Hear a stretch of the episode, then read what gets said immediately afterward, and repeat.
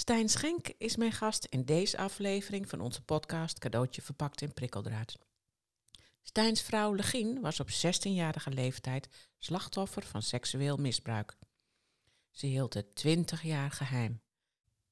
Nadat zij haar verhaal vertelde, veranderde het leven van Legien en Stijn totaal. Beiden moesten ze trauma verwerken, maar het bracht hen uiteindelijk dichter bij elkaar. Ze ontdekten in die periode dat er in de reguliere behandelingen weinig aandacht is voor de partner en voor relaties waarin een van beide partners slachtoffer is geweest van seksueel misbruik. Ze besloten daar hun werk van te maken. In de podcast praten we onder andere over de verwerkingsprocessen van Stijn en Legien, partnerondersteuning, de toolkit Samen Helen, hoe stigmatiserend een omgeving op seksueel misbruik kan reageren en dat mensen die seksueel geweld hebben meegemaakt er ook krachtig uit kunnen komen.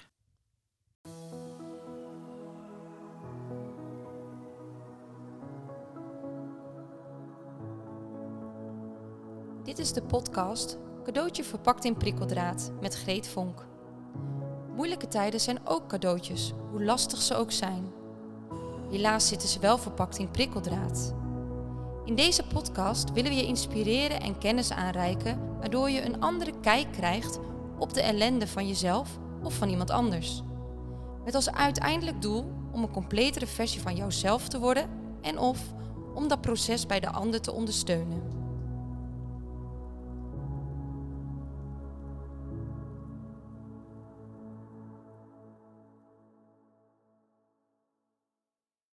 Stijn, welkom. Dankjewel. Ik heb geloof ik nog niet een podcast opgenomen op een zo'n bijzondere locatie als deze. We zitten in De Duif in Amsterdam. Ja, dat is echt bizar mooi. Mensen die, eh, die de gelegenheid hebben om nog even te googlen, zou ik doen. Het is een monument van eh, ooit, ooit gebouwd in 1853, heb ik opgezocht. Wauw. Maar dat is niet de reden waarom wij hier zitten. Maar die ga jij vertellen. Ja. Eh, ja, de Duif in Amsterdam. Eh, ik ben opgegroeid hierachter. Mijn ouders eh, waren gescheiden, maar mijn vader woonde in Utrecht Dwarsstraat. En het zit hier aan de Prinsgracht. Ehm, we kwamen hier altijd met kerst. Jos Brink was toen nog de voorganger. mijn moeder had een vriendin, dus homoseksualiteit was een ding, denk ik, sowieso in in mijn leven of uh, die verschillende werelden. En ik vond het wel bijzonder in, in deze kerk dat dan uh, nou ja, daar ook ruimte voor was. Ja, voor, voor de jongeren onder ons. Misschien kennen ze Jos Brink ik helemaal niet. Maar Jos Brink was een hele bekende presentator. Ja. En hij was homo. Ja. En uh, ja, dat was natuurlijk destijds in de kerk niet zo gewoon dat er een homo uh, een voorganger was. Hè? En ik ben eigenlijk helemaal niet uh, religieus opgegroeid. Mijn uh, ouders uh, wel enigszins doopgezind. Maar we gingen één keer per jaar, waren we een week met opa en oma weg. En naar een gemeenschap. En daar heb ik wel heel veel de, de warmte van, van de gemeenschap. En dat, die gedeelde waarden en, en dat thuiskomen bij elkaar meegekregen. Dus ik heb met het geloof weinig, maar met de viering en de mensen en de vorm veel in deze kerk. Um, nou ja, heeft dat, was vroeger een, een herinnering of iets daarvan dichtbij. Maar uiteindelijk zijn we hier vandaag omdat mijn vader is overleden, uh, nu elf jaar geleden. En zijn uitvaart was hier in de Duif. Ja. En na die uitvaart heeft Legien, jouw vrouw, jou verteld van haar verhaal? Nou, mijn vrouw die uh, heeft het eigenlijk een jaar later verteld, maar het is voor haar een moment geweest uh, dat ze zag, uh, als je doodgaat, dan, dan is het klaar. Dan alles wat je niet hebt uitgesproken neem je mee. Um, en echt door de dood van mijn vader is zij zelf aan de slag gegaan. Hij heeft eerst EMDR en naar de huisarts en met een vriendin gaan praten en en wat uh, praattherapie gevolgd. En toen een jaar later.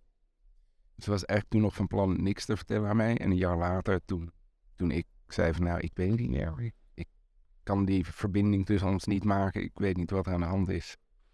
Um, en toen had zij al een jaar eigenlijk gewerkt met het idee van ik verwerk het in mijn eentje en dan kunnen we weer eh, verbinding. En toen heeft het met mij gedeeld. Dus het is voor haar, is dat overlijden van mijn vader een belangrijk moment geweest om met zichzelf aan de slag te gaan. En een jaar later kwam er toen ook ruimte om mij erin mee te nemen. Dus er waren eigenlijk twee behoorlijk stevige, pittige momenten in jouw leven. Het overlijden van je vader en het misbruik van jouw vrouw. En dat is ook waarom je hier graag de podcast wilde opnemen, hè? Klopt. Raakt het je? Eh, ja, mijn eh, emotie ligt altijd heel erg aan de oppervlakte. En eh, ja, zeker. Is een, eh, ja, eh, mijn, mijn vader in zijn laatste weken zei hij ook van, eh, neem het wel als een kans tot groei. Je hebt niet zo vaak in je leven een, gelegenheid om echt te voelen. Mijn dood zal zo'n moment zijn, maar probeer, probeer dat ook te nemen voor het cadeau dat het is.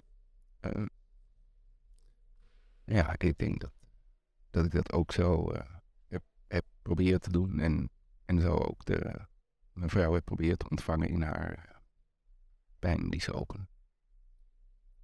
Ik snap helemaal dat jij hier graag wilde zitten. Dat is wel heel symbolisch, zeg. Allemachtig, vind ik. Ja, mooi. hey, en ehm, op een gegeven moment vertelde jouw vrouw jou waarom het zo ging zoals het ging. Wil je daar iets meer over vertellen? Ehm, nou ja, het ging was. ehm, we, zijn, we hebben elkaar in 98 ontmoet. In 99 zijn we samengekomen en eh, vrij snel samen gaan wonen. Heel eh, liefdevol en eh, veel nabijheid. Ehm, maar ook met vlagen disconnect. ehm, dat, we, dat het niet lukte om energie te geven of te krijgen van elkaar. Ehm, maar wel een bewondering en een, eh, verwondering van hoe we, het doen in het leven. Toen kregen we kinderen en toen is er eigenlijk wat veranderd ook in de intimiteit, in de aandacht eh, voor elkaar. Dat leek toen door de kinderen te komen. Ik eh, merkte wel dat ik me wat ging terugtrekken, dus vaker de stad in, minder energie in, in de verbinding stoppen. En, en dus dat uit elkaar groeien begon wat meer tweede kind, eh, tweede, we hebben nu twee zonen. Eh, tweede zoon geboren en eigenlijk in dat jaar daarna is, eh zoon was één, vader overleed. Toen, toen is dit in beweging gekomen. En dat was eigenlijk het moment dat ik ook had na een jaar van de tweede van maar het lijkt wel een, soort structureel iets. Het is niet moe van de kinderen. Er is iets waar, waar, waardoor we niet meer bij elkaar komen. En dat duurt al een jaar of eh, vijf.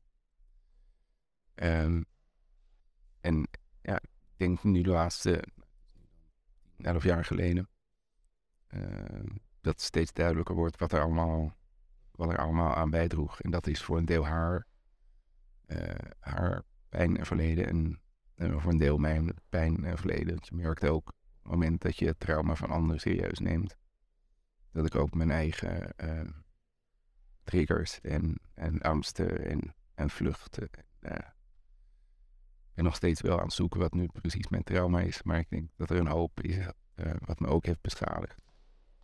En daar, eh, ja, dat, dat is nu een zoektocht die we samen nu weer aan zijn gaan en daarin verbonden zijn. En dat, eh, ja, dat is, heel, dat is heel fijn. Maar als antwoord op de vraag, ja, de, de disconnect uitspreken. En ik had daarbij gezegd van ik ga niet weg, want ik hou van je. Maar ik weet, weet niet wat te doen. Ehm, maar misschien is dit het en dan is dit het. En ik denk dat voor haar die veiligheid, veiligheid heel belangrijk is geweest om te kunnen openen.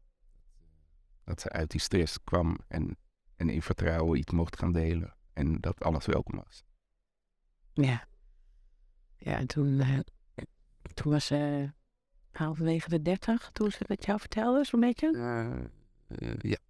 En toen was het iets van, dat ze dus al twintig jaar een geheim ja, meegenomen in haar leven. maar ook voor zichzelf. Ja. Heftig. Hey, in, de, in, die, in die periode heeft jullie leven eh, enorm veranderd. Zeker. In alle opzichten bijna. Wil, je, wil jij vertellen hoe jullie dat aangepakt hebben? Ehm, we gaan door zoveel fasen heen, zoveel verschillende gevoelens. We wisten niet dat we zoveel konden praten.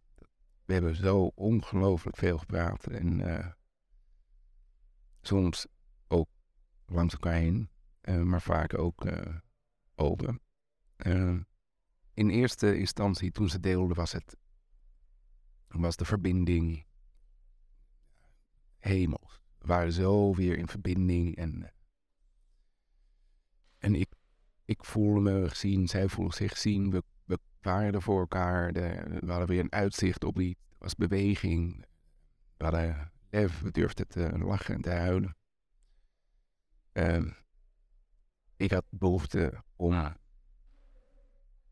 gebeeld te zijn, om ontvangen te worden.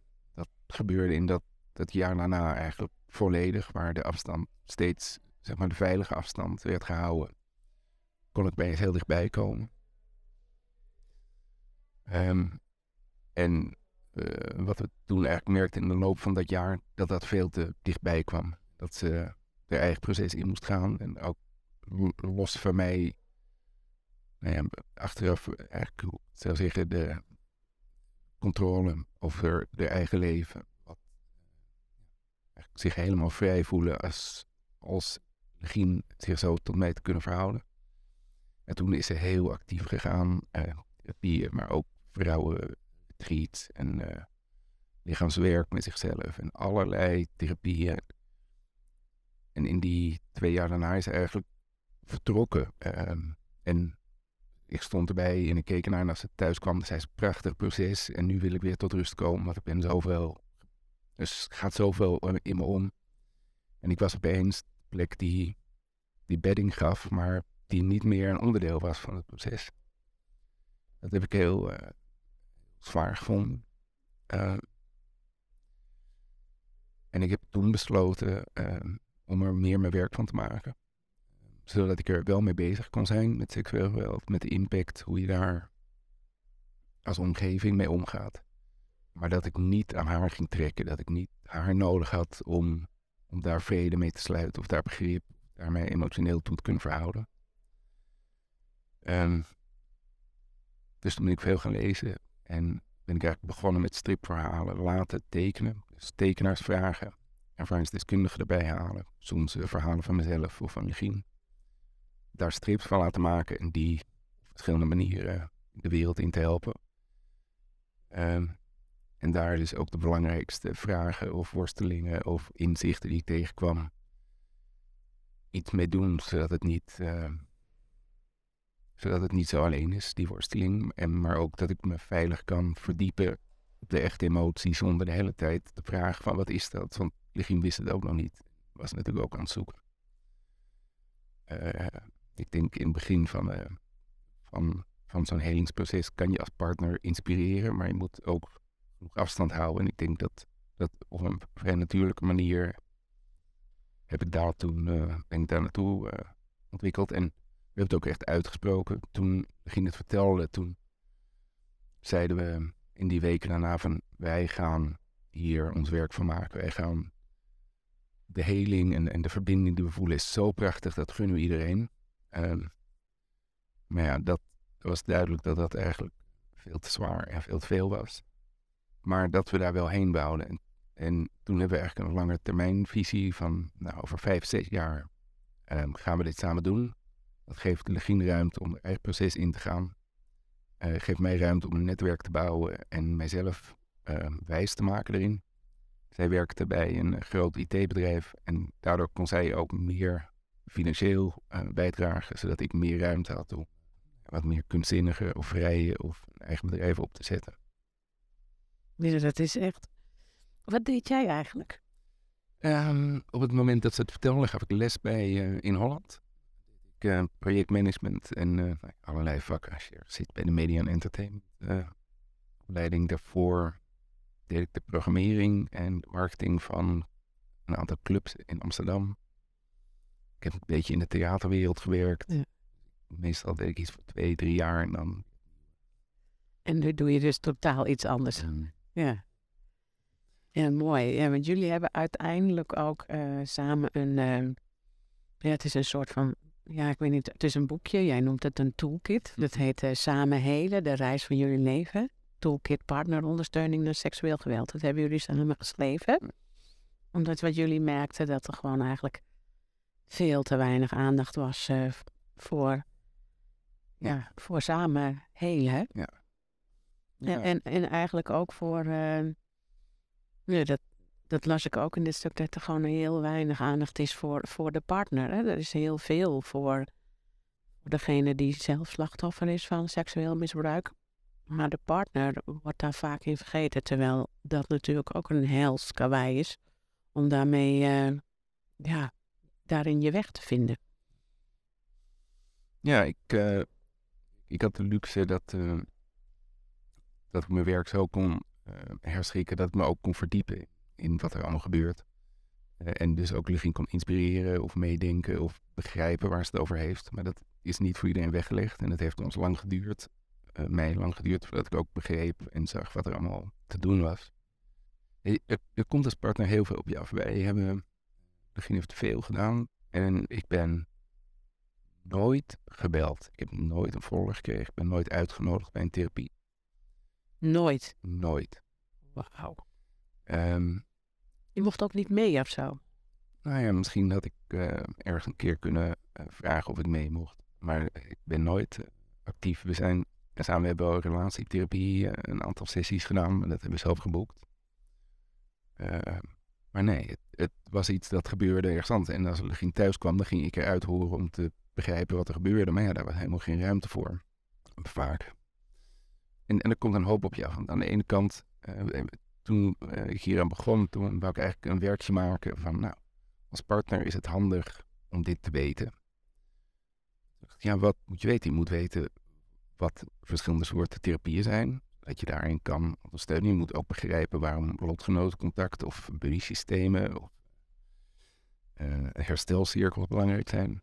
Maar je moet ook snappen waarom je bij elkaar bent gekomen en uh, hoe de dynamiek daarin verandert. Het is fijn om te weten dat als er opeens een getriggerde uh, boosheid of wegtrekken, ehm, waar dat vandaan komt, ehm, hoe je de behoeftes die opeens, de behoefte om heel erg dichtbij te zijn of de behoefte om juist heel ver weg te zijn en hoe snel dat kan veranderen, hoe je daartoe kan verhouden. Maar het is ook belangrijk dat ik ben ook getraumatiseerd. Niet door Gien, maar door, door wat de dader haar heeft aangedaan. Ik heb secundair trauma in dat mijn leven op de kop is gezet. Um, en ik moet ook voor mezelf zorgen. Um, maar dat, dat doe je niet, want ik heb veel minder zwaar dan mijn partner. Dus je gaat niet aandacht aan jezelf vragen. Je probeert alles overeind te houden. En in mijn relatie had ik de steun van mijn vrouw nodig. Maar zij had alle energie voor zichzelf nodig. Dus ik moet opeens opnieuw steunfiguren gaan vinden. En dan moet je wel open kunnen zijn. Vaak zeggen overlevers of slachtoffers of getroffenen. Ik vind het wel fijn dat het privé blijft. Dus, jij loopt opeens met een geheim. Ja, wat ik ging doen was de stad in met wild vreemden praten. Dat was een manier dat ik reflectie kon krijgen, dat kon laten landen. En er zijn veel uh, je, je komt veel tegen en dat is uh, eenzaam. In dit boekje probeer ik eigenlijk heel uh, liefdevol en ook vanuit mijn eigen zoektocht daarin, met alle, alle successen en al het falen, ja, een soort inspiratie te bieden hoe je, hoe je dat kan doen, wat je kan tegenkomen. En uh, en, daarbij uh, eh, 130 van die QR-codes, zodat je ook gewoon een filmpje kan kijken. Dat je, of een boek leest of een podcast. En, want er is zoveel. En dat, toen ik dit boek begon te schrijven, toen dacht ik, ja, wat is er voor partners? Nou, uh, er is één boek door, ik dacht, er is één boekje over geschreven. Uiteindelijk heb ik er vijf verschillende gevonden. twee die niet meer gedrukt worden, best een tweedehands winkeltje en dan twee in Amerika. Dus er zijn wel wat dingen. Maar ja, dat, nadat ik maanden al aan het googlen en zoeken was, kom ik dan weer ergens een boekje tegen. Maar dat het gewoon zo, ah, hier, is het. En uh, nou ja, daarom dachten we laagdrempelig dit maken ons slachtofferhulp. Vond het een mooi idee. We hebben fijn contact met het uh, Centrum Seksueel Geweld, dus die deelt hem. Um, komt gewoon hoop op je af en het is fijn om iets minder eenzaam te zijn. Dus dat probeer ik nu voor anderen. Ja. zo begonnen we al, hè, van, eh, ja, het heeft jullie leven enorm veranderd in alle opzichten. Dus ook eh, dat je ander werk bent eh, gaan, gaan doen. Hè. Je en uiteindelijk Legien ook. Hè. Dus jullie zijn allebei eh, nu ja, betrokken bij hoe kun je anderen ondersteunen die te maken hebben als, als zelf als slachtoffer als, als, of als partner met seksueel misbruik. En uiteindelijk heb je als partner ook een kans om uh, met jezelf aan de slag te gaan. Je ziet wat de impact van iets wat gebeurt is bij iemand anders kan doen. En opeens voel je, oh, waarom, waarom heb ik zo'n kort landje? Waarom uh, kan ik zo diep zakken als ik teleurgesteld ben? Dus het, het geeft je ook een, echt een andere kijk op de diepte van emotie. Zo, zo zichtbaar en zo rauw is. Ik zelf vind het positief om te zien hoeveel emotie en hoeveel overal onder ligt. Maar het is wel confronterend als je. Ja, nou ja, en, en we zijn natuurlijk, of we, ja, we zijn daar met z'n allen nog niet zo goed in. We zijn wel lerende hoe met emoties om te gaan. Maar ja, wil je goed door zo'n proces heen komen, dan moet je wel, hè? Dat schrijf jij ook in. in uh, dus ik vond het wel een heel mooi, heel mooi boekje. Ik heb het natuurlijk gelezen. En uh, ja, ik, ik lees even een klein stukje voor uit de inleiding. Je schrijft. Je vraagt je misschien af of het weer zo wordt als voordat dit werk op tafel kwam. En daar kunnen we kort over zijn. Ja en nee. En ja, de slag gaan met de verwerking van seksueel geweld werkt en het wordt beter. En nee, het wordt nooit meer zoals vroeger. De pijn toelaten verandert je lief. En het verandert jou. En wanneer jullie hier samen doorheen gaan, verandert het ook jullie relatie. Het maakt jullie band sterker, dieper en opener. Met eerlijkheid, liefde en wederzijds respect is het mogelijk om er samen doorheen te komen. Maar dat vraagt wel veel van jullie allebei. Serieuze aandacht, tijd en ruimte. Niet alleen nu, maar ook in de jaren die komen. Prachtig vind ik dat. Mooie inleiding. Het, het geeft ook wel, is, is dat jullie bedoeling geweest met het boekje om, om ook hoop te bieden? Zeker. Hoop doet leven. Uh, ja. Zij heeft, uh, bij ons trouwens, heeft heel lang heeft het verzwegen om omdat dan het leven te dragen is en, en zijn men niet belast. En, dat was fijn ergens, maar het was ook een half leven. Het was een emotioneel, konden de pieken niet bereikt worden, de dalen vermeden werden. En uh, dat, dat samen aangaan, dat alles opeens mag zijn, dat, dat, uh, het is niet dat het hopeloos is als je het niet uitspreekt. Het, het kan een heel uh, mooi overlevingsmechaniek zijn waarin je een heel fijn en prima leven kan leiden. Maar het is. Uh, ik gun het mensen om het leven dat ze leven zo, zo vol te mogen ervaren. En daarin uh, ja, ben ik wel. vind ik het belangrijk om mensen te zeggen, je, je mag ermee aan de slag gaan en er is, en het hoeft niet. Het, het, het hoeft niet. En, uh, ja, dus je hebt wel een keuze. Ja, en ik ben ook niet boos of teleurgesteld dat het de eerste 10, 12 jaar van onze relatie niet ter tafel kwam. Want dat was ook een cadeau dat ze mij gaven. Dat het weghouden bij mij en, en heel hard werken en de pijn en de onrust allemaal zelf, uh, zelf dragen om, om mij te ontzien. En dat kwam van een mooie plek. En uiteindelijk bleek dat in de weg te staan in, in de diepe verbinding. Um, maar ja, dat wist zij ook niet. En dat, uh, dat voor je pas op het moment dat je daar dan doorheen gaat. En, uh, ja, je, we wisten niet, denk ik. Ze wist niet wat ze niet wist. En, uh, en ik ook niet.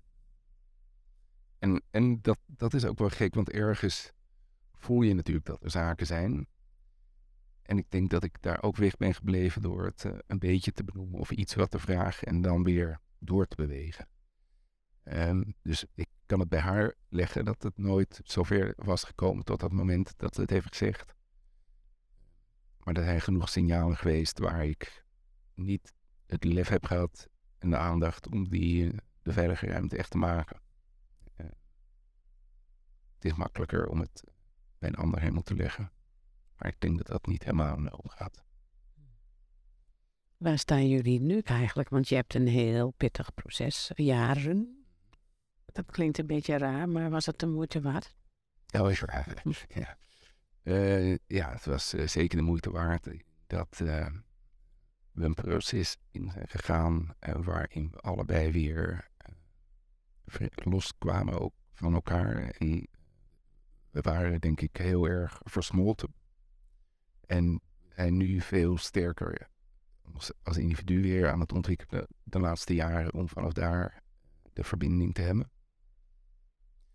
Dus qua persoonlijke groei is het, een, is het echt een, een heel belangrijke tijd geweest. Waar staan we nu? Er komen andere emoties los als je, als, als je emoties zo lang wegstopt. Je hebt een dynamiek die daar mede op gestoeld is. Um, en je, je gaat echt naar die, die openheid, radicale openheid. Uh, dat het ook weer zoeken is je bent ten opzichte van elkaar. Er was een dynamiek waarin zij iets van mij nodig had en ik iets van haar. Uh, en die is nu anders. En uh, het ene moment is dat bewondering, een ander moment kan dat verwondering of begeerte zijn. Maar het kan ook onbegrip of frustratie. En ik heb onze liefde wel altijd als een project gezien. Er is een, een diepe liefde en verbinding. maar dat is niet een staand iets. En daar, daar besteden we eigenlijk nog dagelijks aandacht aan. en daarin is het navigeren tussen elkaar veiligheid geven. Jezelf helemaal laten zien, los van wat ander daarvan bij voelt. Ja. Dus dan hebben we het over, ook, ook over intimiteit. Zeker. Dat vind je een heel belangrijk onderwerp, hè? Precies. Wil je er met dit stukje verbinden waar je het net over had? Um, ik denk dat in onze intimiteit, en ik kan me voorstellen dat dat bij veel mensen zit, uh, zit het spanningveld tussen uh, helemaal halen wat jij wil, of helemaal geven wat je denkt dat de ander wil, of helemaal dienen wat de ander aangeeft dat hij wil, uh, of helemaal ontvangen wat de ander bereid is te geven en daar genoeg mee te nemen. Ehm, en dat, dat die dynamieken van het geven, nemen, toestaan, uh, gunnen, claimen. Dat heb je natuurlijk in het dagelijks leven ook in de aandacht die je krijgt of de, de, tijd die je voor elkaar maakt. Maar in aanraking voel je het in je lijf. Je voelt als je, als je niet gezien wordt in je behoeften of als je helemaal ontvangen wordt in al je rauwheid. En het is direct verbonden met alles wat er in het eigen lijf, in het bewegen, in hoe je in je eigen vel zit, maar ook met de gedachtes, uh, de stress, ons zijn. En daarin uh, hebben we, uh, is het praten over seks en het, de beleving van intimiteit ja, is, is heel gevoelig. En daarin jezelf laat zien is heel kwetsbaar. Ik denk dat dat iets is waar wij. Nou ja, in het begin ben ik daar heel duidelijk in geweest. toen ze het heeft verteld, zei ik: Oké, ik ging kaders maken. Dus ik zei: Dan gaan we een periode dit niet doen. Of we gaan. Ehm, we openen altijd met ogencontact. Of we gaan elkaar eerst eren. Of. Um, een wheel of consent. Dus jij mag aangeven wat je wil, dan geef ik je dat. Of andersom, en dan kan je voelen of je dat wil. Of je gaat vertragen in je aanraking. Dus ik was heel actief in die intimiteit opzoeken. Wat heel fijn werkte. Uh, maar wat we eigenlijk nu merken de laatste jaren, dat juist dat ik kaders zet en dat ik de controle neem, dat, dat past niet zo goed meer bij waar mijn vrouw zit in haar ontwikkeling. Alleen, het, ze is er ook niet dat zij die controle neemt, eh, per se, omdat dat eigenlijk als een last gaat voelen. Maar omdat ik de kaders dus die ik zet eigenlijk niet meer worden ontvangen of, of, of daar gevoelens bij zit, maar ze is zelf die kaders nog niet, niet sterk zet, is eigenlijk die veilige, uh, die, die, die veilige kaders of dat, dat veilige ruimte waarbinnen dat kan, wordt een constant afstemmen. Uh, en daarin is het vertragen, maar ook het uh, doseren. Dus niet omdat bij intimiteit en seks komt er zoveel los in je lijf. Als je dat allemaal neerlegt, is, is eigenlijk de ander direct overprikkeld. In ieder geval in relatie werkt dat zo. Het, wordt ook de keuze van welke stukjes uh, adresseer je. En wat doen we daarmee? Um, ja, dus, dus dat is zoeken. En voor mij um, is eigenlijk aanraking en intimiteit en seks zorgt voor mij verbinden, verbonden voelen. En bij mijn vrouw is die verbinding, dat verbonden voelen, een voorwaarde om intiem te worden. En die, dus daar een tussenweg te vinden waarin wij allebei naar het midden opschuiven, dat, ja, dat is een, uh, een gesprek en een zoektocht. Jij zegt dat echt heel mooi. En het is heel kwetsbaar eigenlijk ook, hè? Daar moet ik ook even stil dat raakt me ook wel. Van, uh, je gunt eigenlijk iedereen in de relatie dat ze, zo, dat ze zo met hun intimiteit om kunnen gaan. Was dat voordat jij, dat ze jou vertelde dat, oh, was dat, is dat heel erg, is dat heel erg veranderd? Hoe ik het daarvoor heb ervaren, we hadden een heel fijn seksleven als we seks hadden. Echt heel fijn en open en, en bevredigend en verbonden. En... Maar het was een uh, brug waar ik er overheen moest helpen. Dus waar voor mij, en dat een beetje de, de beeldspraak die ik toen in die tijd heb gemaakt, voor mij is intimiteit en seksualiteit. Ik woon op een, in een land, of zeg een eiland, en ergens daar heb je seks en dat is naast uh, ontbijt maken, huiswerk maken, douchen. Ehm, wat, wat ook, het is allemaal verbonden. Dus ik kan heel makkelijk in mijn seksuele energie en mijn, mijn fysieke en niet-fysieke liefde ligt heel dicht bij elkaar. Voor haar was dat niet zo. Dus fantaseerde niet over, verlangde er niet echt naar. Maar als ik er meenam en uitnodigde, en zoals over een bepaald punt, dan liet ze alles los. En, en dan was ze wel aanwezig. Het is niet dat ze dissocieerde, maar dan dan kon ze helemaal in die intimiteit leunen en dan kon je het heerlijk hebben. En ik denk dat een deel van ons uh, disconnect kwam toen ik iets had van ja, ik, ik wil niet altijd het initiatief nemen voor intimiteit. Ik voel alsof ik aan het leuren en het trekken ben om iets te krijgen wat je eigenlijk wel wil. Ik wil dat jij op die plek komt dat je weet dat je het wil en dat je mij benadert. En daar komt ze niet bij. En ik denk nu achteraf dat dat deels trauma is. In dat de pijn van de intimiteit is, die, die houdt je eigenlijk weg om daar naartoe te gaan. Totdat je er bent en het voelt anders. En dan, dan kon ze daarin ontspannen. Maar dan had ze een soort muurtje, had ik erover, of de brug overgeholpen om van dat, dat land waar seksueel geweld en, en, en de pijn en het verdriet daar verbonden waren. En dus daarin was het, was het eigenlijk heel vreemd dat we zo'n heel bevredigend seksleven hadden, maar dat, de, dat het toch niet klopte. En dat kloppen was dus vooral die overgang van het, het gewone leven en het seksleven, waar dat voor mij hetzelfde was. En dat is nu wel veranderd. We hebben nu, is seksualiteit veel meer een onderdeel van het dagelijks leven, dagelijkse gesprekken. Komt ook natuurlijk omdat we zo open praten dat er, er is geen onderwerp meer wat taboe is.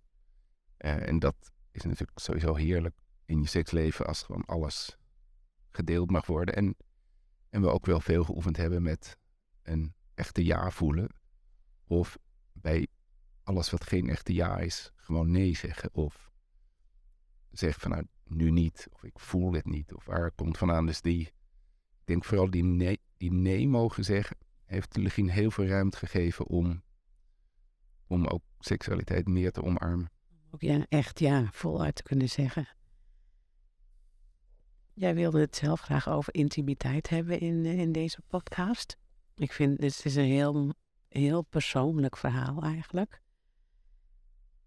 Ik vind het zo mooi, bijna ontroerend, omdat je, jullie geven het voorbeeld dat als je echt heel heftig ja, ja, met je seksueel misbruik meegemaakt hebt, dat het toch weer goed kan komen, hè? Ehm, ja, en, en, toch, als je zegt goed komen, vind ik dat moeilijk, want ehm, het was, maar het is een schaal. Kan, het was natuurlijk niet, het was geen hel. De- het, het kan verdiepen, het, kom, het kan weer in beweging komen. Ja, het was, het was wel goed. Bedoel je dat te zeggen? Ja, Ja. en, en als, als je in een relatie zit en je hebt geen seks, kan dat ook goed zijn. Ja. Dus dat ehm, in, de, in die periode, die, die vind ik wel ik heel bijzonder. Dat eigenlijk begin dat iets van seks is leuk. Gewoon is prima. Maar heeft verder niet zo heel veel met het leven te maken. Het is een soort los. Het is als eh, ja, een taart eten. Je kan af en toe taart eten, is eerlijk houden van. Maar uiteindelijk maakt het niet zo heel veel uit. En dat is wel veranderd. Dat ze, het was een levensenergie. Dat ze haar eigen lijf is gaan ontdekken door aanraking, door, doordat ze genot ging claimen. Dat ze ook de plek in de wereld ging innemen.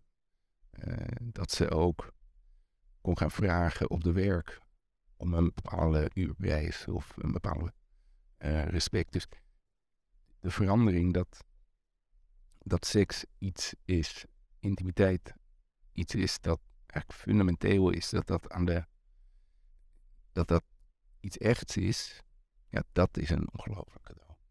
En voor mij is dat altijd zo geweest. Mijn vader was kunstschilder en vrouwen, vrouwelijke energie en liefde en aanraking, dat de vrouwelijke lijn als het mooiste wat er is en, en het dus mijn, mijn liefde voor intimiteit en mijn verwondering en bewondering en daarmee de, de, de plek die het inneemt in mijn leven. Dat dat nu ook bij haar eigenlijk zo groot is en misschien wel groter. Ook omdat door al die vrouwenactiviteiten, of nou, een rode tent te zijn of haar eigen cyclus omarmen. eh, zelfliefde bedrijven en daar mee omgaan. Of aangeven wat ze wil. Ja, dat dat nu een, een kern van haar, van wie ze is, ja, dat, dat is denk ik het, het mooiste en het meest hoopgevende. Dat, zij heeft zichzelf altijd bij zich en put daar nu kracht uit. Ehm, in plaats van dat dat deel van zichzelf een soort van werd afgesloten en werd weggezet. En dus ook het contact met haarzelf eh, daarin niet helemaal gemaakt werd. Zij ging, zij ging kort geleden, en, en, en daarom zitten wij nu ook hier in deze podcast, zij ging meedoen aan een workshop over posttraumatische groei. En eh, zo kwamen wij ook in, in verbinding met elkaar. En ehm je hebt recent ook ons boek gelezen, Posttraumatische Ja. Groei. Ik moest wel lachen om, jou, eh, om jouw reactie daarover. Wil je dat delen in deze podcast? Ehm, ik heb hem in twee dagen uitgelezen en ik de hele tijd dacht ik, ja, ja, dat, dat is zo. Maar, maar vertel of zo. Ik vond het zo logisch dat ik de hele tijd dacht van, maar hoezo is hier een boek voor nodig? Dit is toch gewoon hoe het zit. En dat weet ik wel. En ik, en ik ken de, de, de, de traumabehandelingwereld wel een beetje. En ik, zeg maar, als ik het boek wegleg, dan snap ik ook wel wat, wat het, het belang en, en wat het is. Maar tijdens het lezen zat ik alleen maar de hele tijd van, ja, nou ja, ja die deur, die, ja, die is open, dat is duidelijk, dat snap ik. Een mooi lijstje, ja, dat, dat zijn de onderdelen die daarbij horen. Dus het, het was een feest der herkenning. Ja, maar ook eigenlijk zoiets als, als ik dat zo hoor, van ja, maar waarom moet dit opgeschreven worden? Want het is zo simpel. Ja, ja, ja.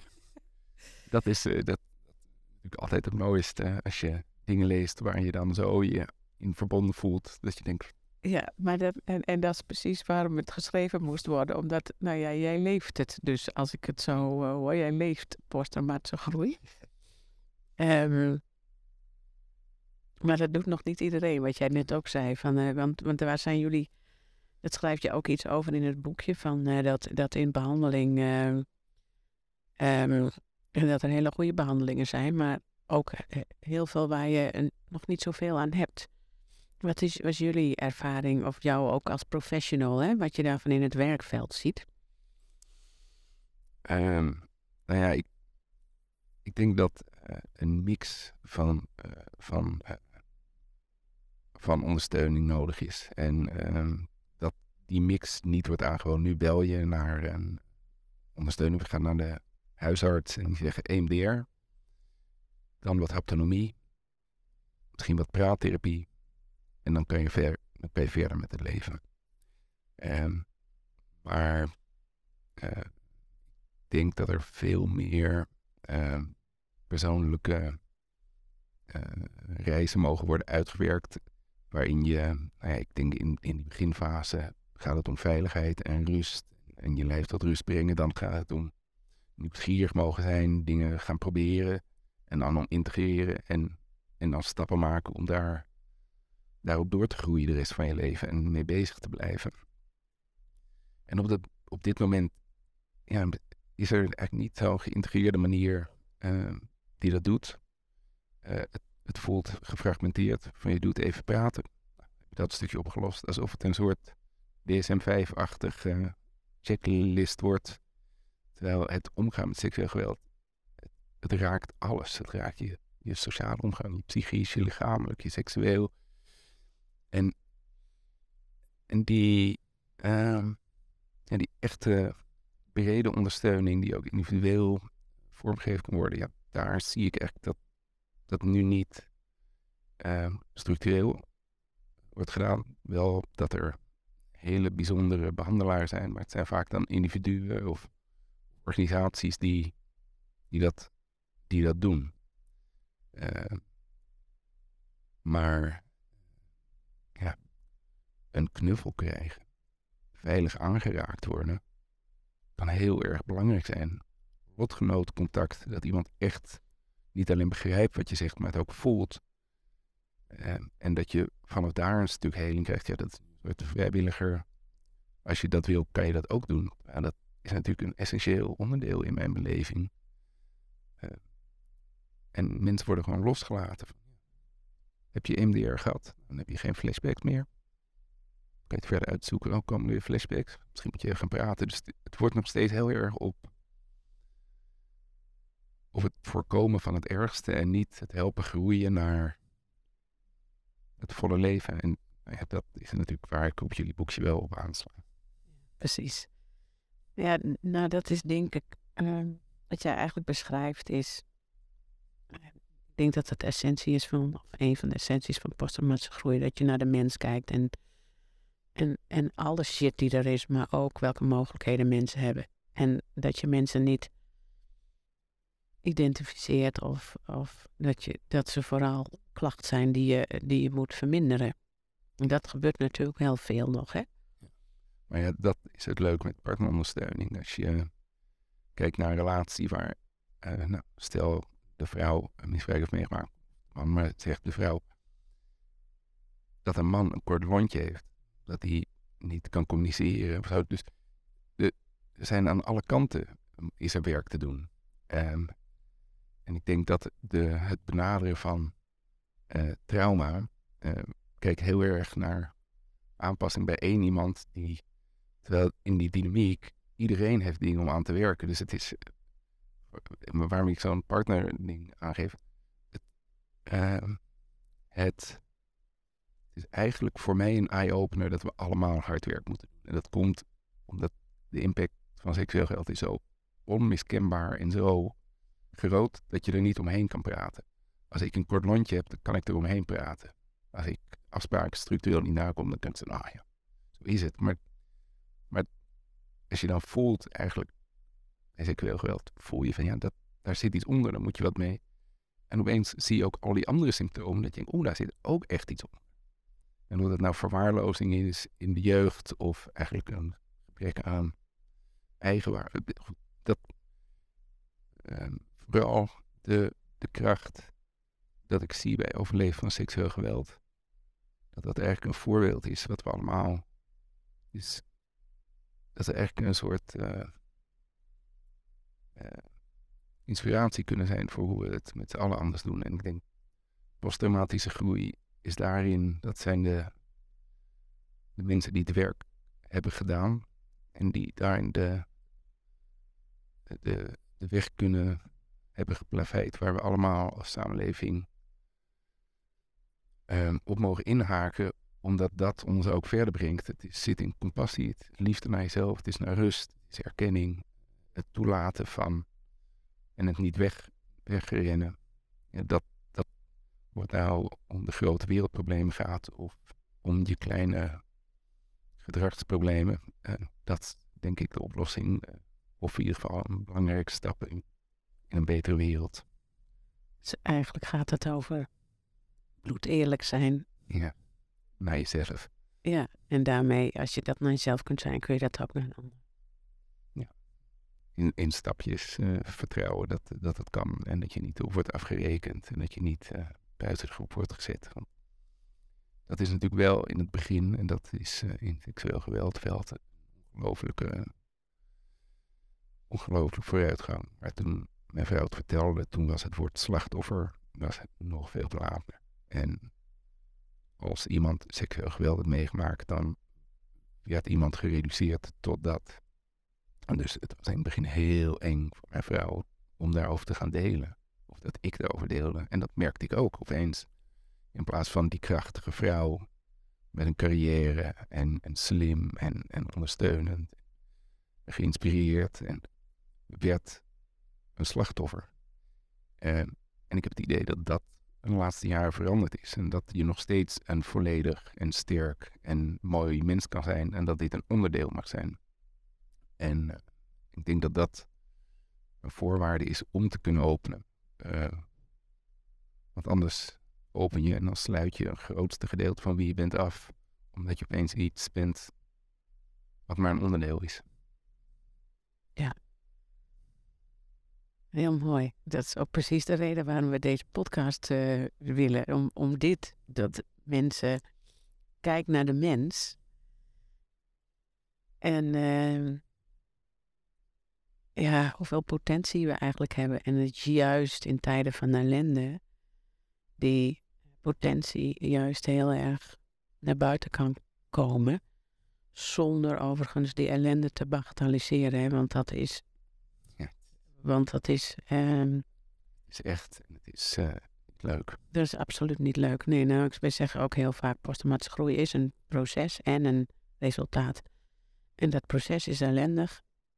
En het kan uiteindelijk tot een mooi resultaat leveren, maar niet andersom. En um, ja, daar moet je hard voor werken. Nou, dat hebben jullie gedaan. En jullie gaan dus nu ook anderen helpen om. Uh, in, in dat proces, of dat ben je aan het doen. Als mensen nou dat boekje zouden willen lezen, of als ze op een of andere manier steun van jullie zouden willen helpen, of, van jullie ontvangen, hoe kunnen ze jullie dan vinden? Um, het boekje is uh, Samen Helen, uh, samenstreepje helen.nl, uh, daar kan je bestellen. Als je naar Centrum Seksueel Geweld gaat, ondernaast, dan kan je hem ook gewoon online lezen of downloaden. Uh, we hebben daar ook een MeToo-gespreksetikettenboekje met tien handvaten voor als iemand een traumatische ervaring deelt, hoe je ermee omgaat.